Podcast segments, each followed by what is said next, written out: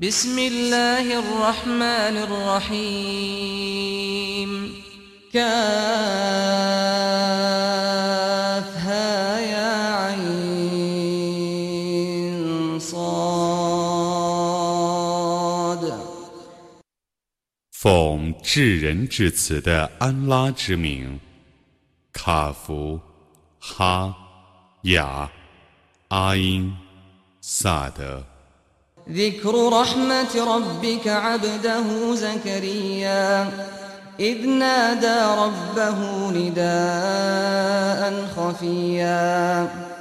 قال رب إني وهن العظم مني واشتعل الرأس شيبا ولم أكن بدعائك رب شقيا.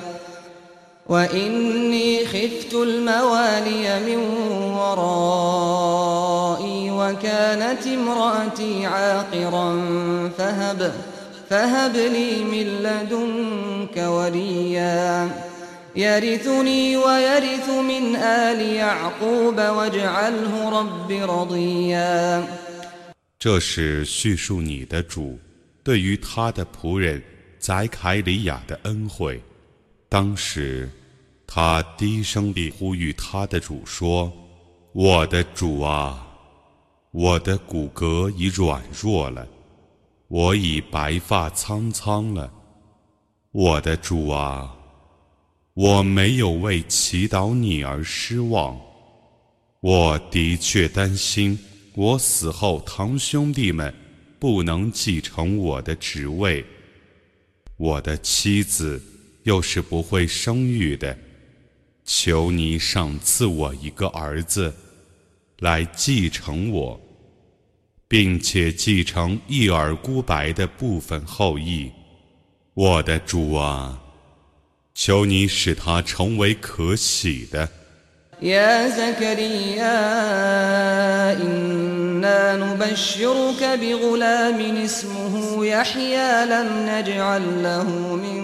قبل سميا قال رب أنا يكون لي غلام وكانت امرأتي عاقرا وقد بلغت من الكبر عتيا قال كذلك قال ربك هو علي هين وقد خلقتك من قبل ولم تك شيئا 在凯里亚。 我必定以一个儿子向你报喜，他的名字是叶哈雅。我以前没有使任何人与他同名。他说：“我的主啊，我的妻子是不会生育的，我也老态龙钟了，我怎么会有儿子呢？”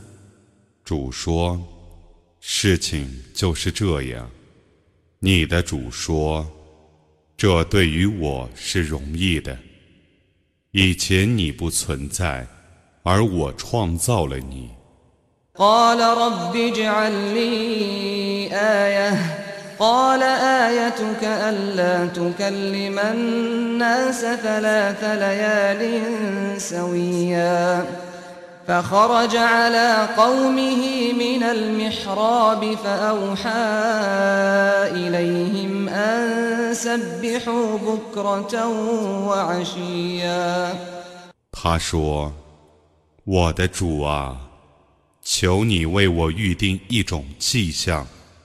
他说：“你的迹象是你三昼夜间不能和人说话。” 他从圣所里走出来，见他的族人，就暗示他们：你们应当朝夕赞颂安拉。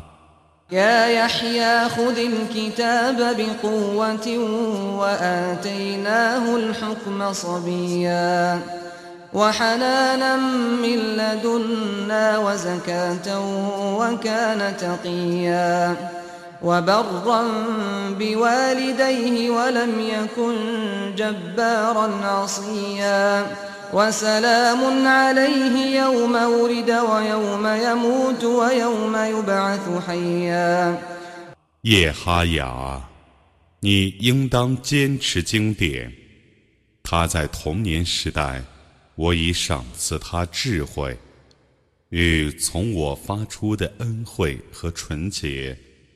他是敬畏的，是孝敬他的双亲的，不是忤逆的。他在出生日、死亡日、复活日都享受和平。واذكر في الكتاب مريم إذ انتبذت من أهلها مكانا شرقيا فاتخذت من دونهم حجابا فأرسلنا إليها روحنا فتمثل لها بشرا سويا. قالت إني أعوذ بالرحمن منك إن كنت تقيا. قال إنما أنا رسول ربك لأهب لك غلاما زكيا. 你应当在这部经典里提及麦尔言。当日他离开了家属，到东边一个地方，他用一个帷幕遮盖着，不让人看见他。我使我的精神到他面前，他就对他显现成一个匀称的人。他说：“我的确求必于至人主。”免遭你的侵犯。如果你是敬畏的，他说：“我只是你的主的使者，我来给你一个纯洁的儿子。”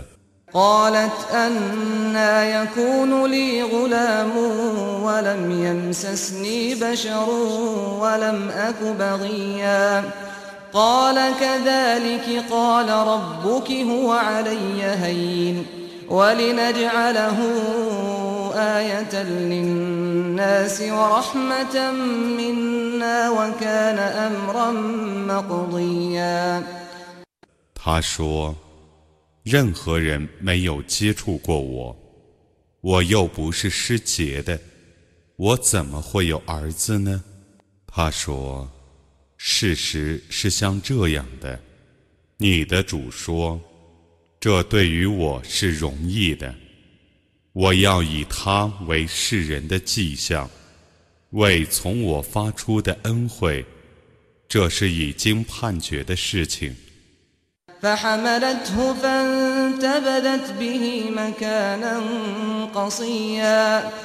他就怀了孕，于是他退避到一个僻远的地方。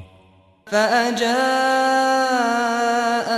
المخاض إلى جذع النخلة قالت قالت يا ليتني مت قبل هذا وكنت نسيا منسيا.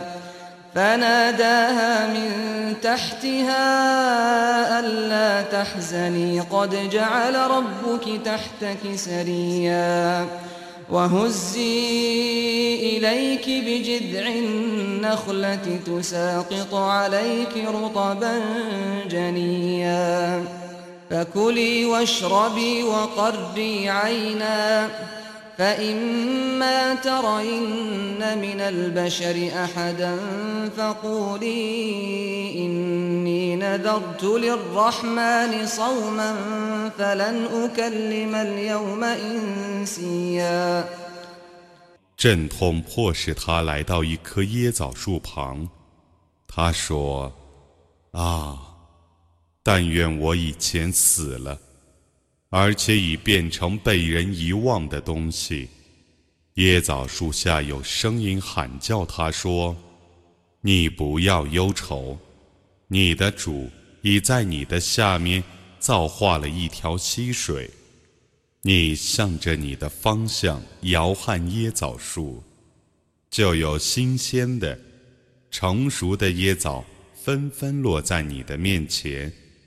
你吃吧。”你喝吧，你愉快吧。如果你见人来，你可以说：“我却已向至人主发愿斋戒，所以我绝不对任何人说话。” فأتت به قومها تحمله قالوا يا مريم لقد جئت شيئا فريا يا أخت هارون ما كان أبوك امرأ سوء وما كانت أمك بغيا؟ فأشارت إليه قالوا كيف نكلم من كان في المهد صبيا؟ قال إني عبد الله آتاني الكتاب وجعلني نبيا. 他抱着婴儿来见他的族人，他们说：“麦尔言啊，你却已做了一件奇事。哈伦的妹妹啊，你父亲不是缺德的，你母亲不是失节的。”他就指一指那个婴儿，他们说：“我们怎能对摇篮里的婴儿说话呢？”那婴儿说：“我却是安拉的仆人，他要把经典赏赐我，要使我做先知。” وجعلني مباركا أينما كنت وأوصاني بالصلاة والزكاة ما دمت حيا وبرا بوالدتي ولم يجعلني جبارا شقيا والسلام علي يوم ولدت ويوم أموت ويوم أبعث حيا ذلك عيسى بن مريم قول الحق الذي فيه يمترون 要使我无论在哪里都是有福的， 并且嘱咐我，只要活着，就要谨守拜功，完纳天课。他使我孝敬我的母亲，他没有使我做霸道的、薄命的人。我在出生之日、死亡日、复活日都享受和平。这就是麦尔言的儿子阿尔萨，这是他们所争论的真理之言。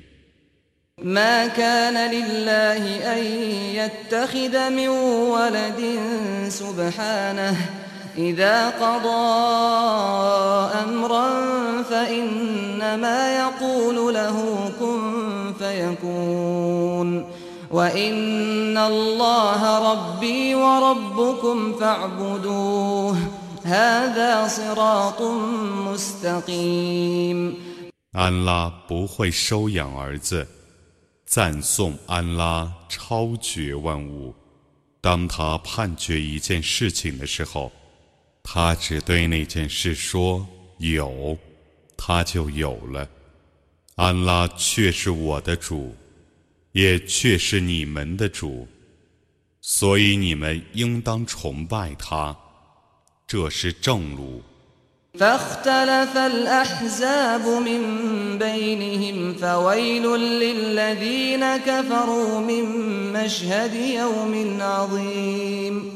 أسمع بهم وأبصر يوم يأتوننا لكن الظالمون اليوم في ضلال مبين 但各派之间意见分歧， 重大日来临的时候，悲哀归于不信教者。他们来见我的那日，他们的耳真聪，他们的眼。真明，但不义者，今天却在明显的迷雾中。وأنذرهم يوم الحسرة إذ قضي الأمر وهم في غفلة وهم لا يؤمنون إنا نحن نرث الأرض ومن عليها وإلينا يرجعون 也应当警告他们悔恨之日。当日，一切事情已被判决， 而他们现在还在疏忽之中。他们不信正教，我必定继承大地和大地上的一切，他们将归于我。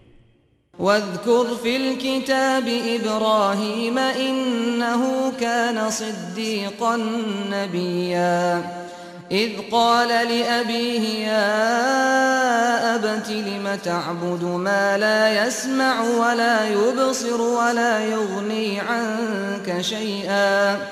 يا أبت إني قد جاءني من العلم ما لم يأتك فاتبعني. فاتبعني أهدك صراطا سويا.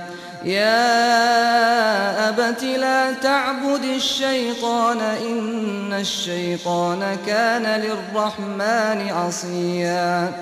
يا أبت إني أخاف أن يمسك عذاب من الرحمن فتكون للشيطان وليا.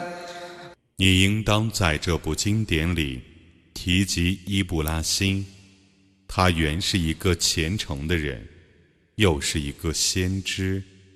当时他对他父亲说：“我的父亲啊，你为何崇拜那既不能听，又不能见，对于你又没有任何鄙夷的东西呢？我的父亲啊！”没有降临你的知识，却已降临我了。你顺从我吧，我要指示你一条正路。我的父亲啊，你不要崇拜恶魔，恶魔却是违抗至人主的。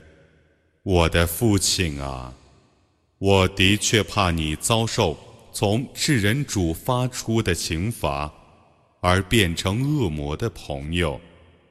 قال أراغب أنت عن آلهتي يا إبراهيم لئن لم تنته لأرجمنك واهجرني مليا قال سلام عليك سأستغفر لك ربي إنه كان بي حفيا وأعتزلكم وما تدعون من دون الله وأدعو ربي عسى ألا أكون بدعاء ربي شقيا 他说：“你讨厌我的主宰吗，伊布拉辛啊？如果你不停止，我势必用石头击你。” ”你应当远离我一个长时期。他说：“祝你平安，我将为你向我的主求饶。他对我却是仁慈的。我将退避你们，以及你们舍安拉而祈祷的。我将祈祷我的主。我或许不为祈祷我的主而变成薄命的人。” فلما اعتزلهم وما يعبدون من دون الله وهبنا له إسحاق ويعقوب وكلا جعلنا نبيا ووهبنا لهم من رحمتنا وجعلنا لهم لسان صدق عليا 他既退避他们。 以及他们舍安拉而祈祷的，我就赏赐他伊斯哈格和叶尔孤白，我使他俩成为先知，我把我的恩惠赏赐他们，我使他们享有真实的、崇高的声望。واذكر في الكتاب موسى إنه كان مخلصا وكان رسولا نبيا. وناديناه من جانب الطور الأيمن وقربناه نجيا. ووهبنا له من رحمتنا أخاه هارون نبيا.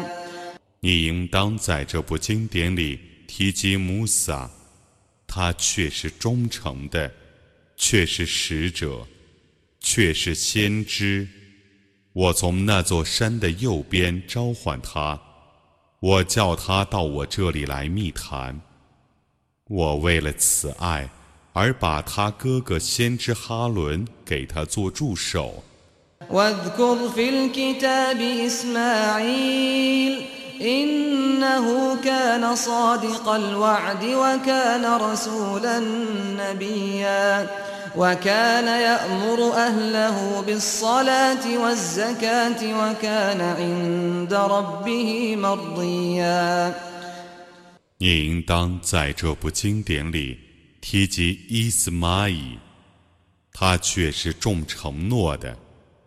他是使者，又是先知。 他以拜功和天课命令他的家属。他在他的主那里是可喜的。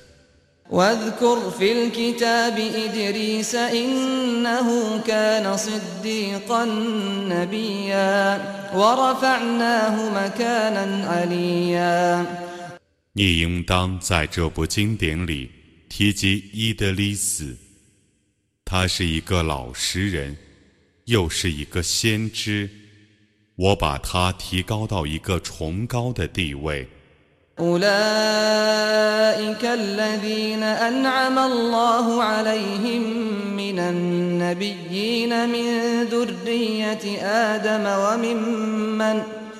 وممن حملنا مع نوح ومن ذرية إبراهيم وإسرائيل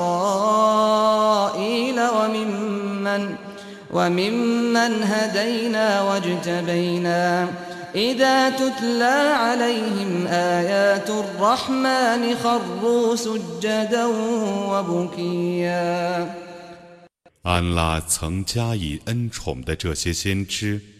属于阿丹的后裔， 属于我使他们与努哈同舟共济者的后裔，属于伊布拉辛和伊斯拉伊的后裔，属于我所引导而且选拔的人。对他们宣读至人主的启示的时候，他们俯伏下去叩头和哭泣。فخلف من بعدهم خلف أضاعوا الصلاة واتبعوا الشهوات فسوف يلقون غيا. إلا من تاب وآمن وعمل صالحا فأولئك يدخلون الجنة ولا يظلمون شيئا.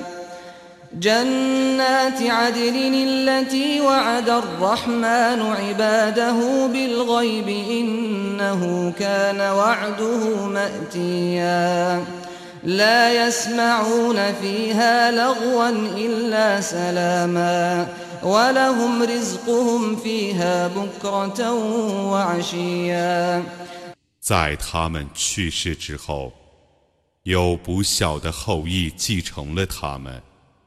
那些后裔废弃拜功，顺从嗜欲，他们将遇迷雾的恶报；但悔罪而信教，且行善者除外，他们将入乐园，不受丝毫亏待。那是常住的乐园，是至人主在幽玄中应许其众仆的。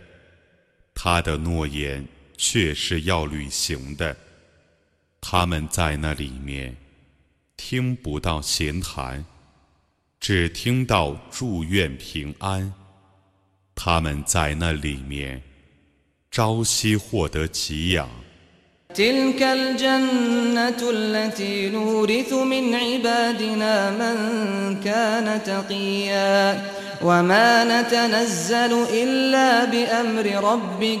له ما بين أيدينا وما خلفنا وما بين ذلك وما كان ربك نسيا. رب السماوات والأرض وما بينهما فاعبده واصطبر لعبادته هل تعلم له سميا. 就是我将使众仆中的敬畏者继承的乐园，我们为奉你的主的命令而随时降临，在我们面前的，在我们后面的，以及在我们前后之间的事情，他都知道。你的主是不忘记的，他是天地万物的主，你应当崇拜他，你应当耐心。你知道他有匹敌吗ويقول الإنسان أإذا ما مت لسوف أخرج حيا أولا يذكر الإنسان أنا خلقناه من قبل ولم يك شيئا 人说我死后 必要复活吗人忘记了吗他以前不是实有的，而我创造了他。فوربك لنحشرنهم والشياطين ثم لنحضرنهم حول جهنم جثيا ثم لننزعن من كل شيعة أيهم أشد على الرحمن عتيا. ثم لنحن أعلم بالذين هم أولى بها صليا. وإن منكم إلا واردها. وإن منكم إلا واردها كان على ربك حتما مقضيا ثم ننجي الذين اتقوا ونذر الظالمين فيها جثيا 指你的主发誓，我必将他们和众恶魔集合起来，然后我必使他们跪在火域的周围，然后 我必从每一宗族中提出对至人主最悖逆的人，然后我必从每一宗派中提出对至人主最悖逆的人。你们中没有一个人不到火域的，那是你的主决定要施行的。然后，我将拯救敬畏者，而让不义者跪在那里面。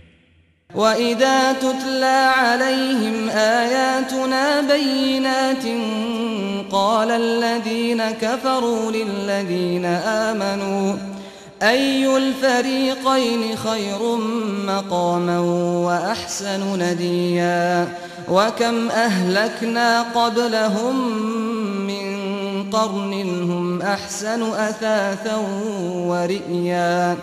قل من كان في الضلالة فليمدد له الرحمن مدا. حتى إذا رأوا ما يوعدون إما العذاب وإما الساعة فسيعلمون من هو شر مكانا وأضعف جندا. 对他们宣读我的明显的迹象的时候，不信教者对信教者说：“哪一派的地位更优越？”会场更优美呢，在他们之前，我曾毁灭了许多世代，无论资产和外观，都比他们更优美。你说，在迷雾中的人，愿至人主优容他们，直到他们得见他们曾被警告的，不是刑罚。就是复活时，他们就知道谁的地位更恶劣，谁的军队更懦弱了。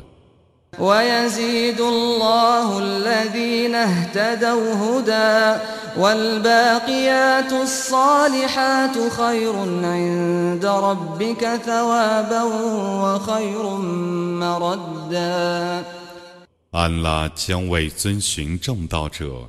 增加其引导，长存的善功，在你的主看来是报酬更好、结局更善的。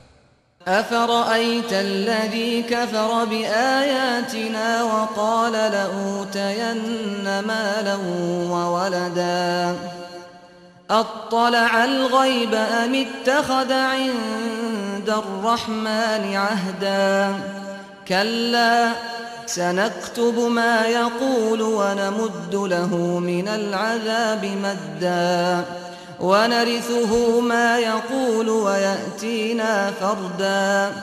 你告诉我吧有人不信我的迹象却说我必要获得财产和子嗣他曾窥见幽玄呢？还是他曾与智人主订约呢？不然我将记录他所说的我将为他加重刑罚，我将继承他所说的财产和子嗣，而他将单身来见我。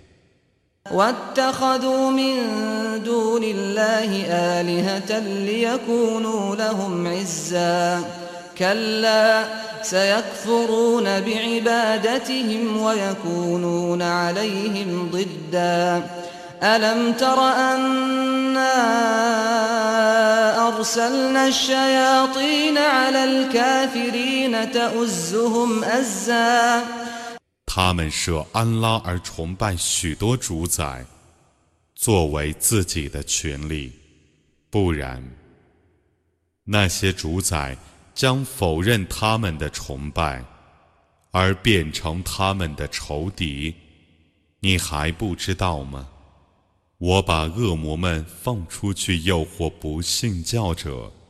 فلا تعجل عليهم إنما نعد لهم عدا يوم نحشر المتقين إلى الرحمن وفدا ونسوق المجرمين إلى جهنم وردا لا يملكون الشفاعة إلا من اتخذ عند الرحمن عهدا 所以你对他们不要急躁，我只属他们的受属。那日，我要把敬畏者集合到至人的主那里，享受恩荣；我要把犯罪者驱逐到火狱去。 以沸水解渴，但与至人主订约者除外，人们不得说情。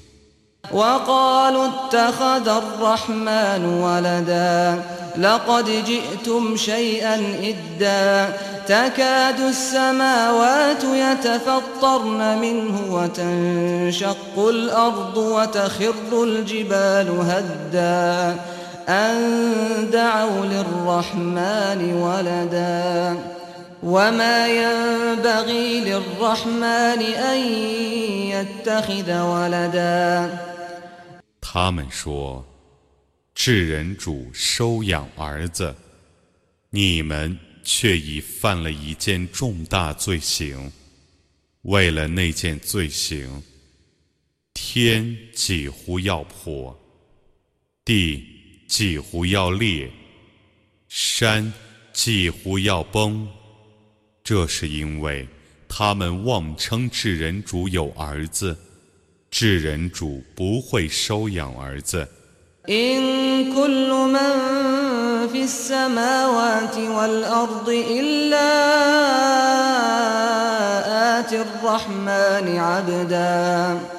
لقد أحصاهم وعدهم عدا وكلهم آتيه يوم القيامة فردا 凡在天地间的，将来没有一个不像奴仆一样皈依至人主的，他却已统计过他们，检点过他们。复活日，他们都要单身来见他。 إن الذين آمنوا وعملوا الصالحات سيجعل لهم الرحمن ودا. فإنما يسرناه بلسانك لتبشر به المتقين لتبشر به المتقين وتنذر به قوما لدا. وكم أهلكنا قبلهم من قرن هل تحس منهم من أحد أو تسمع لهم ركزا 信教而且行善者，至人主必定要使他们相亲相爱。我以你的语言，使古兰经成为容易的，只为要你借它向敬畏者报喜， 并警告强辩的民众。在他们之前，我曾毁灭了许多世代。你能发现那些世代中的任何人，或听见他们所发出的微声吗？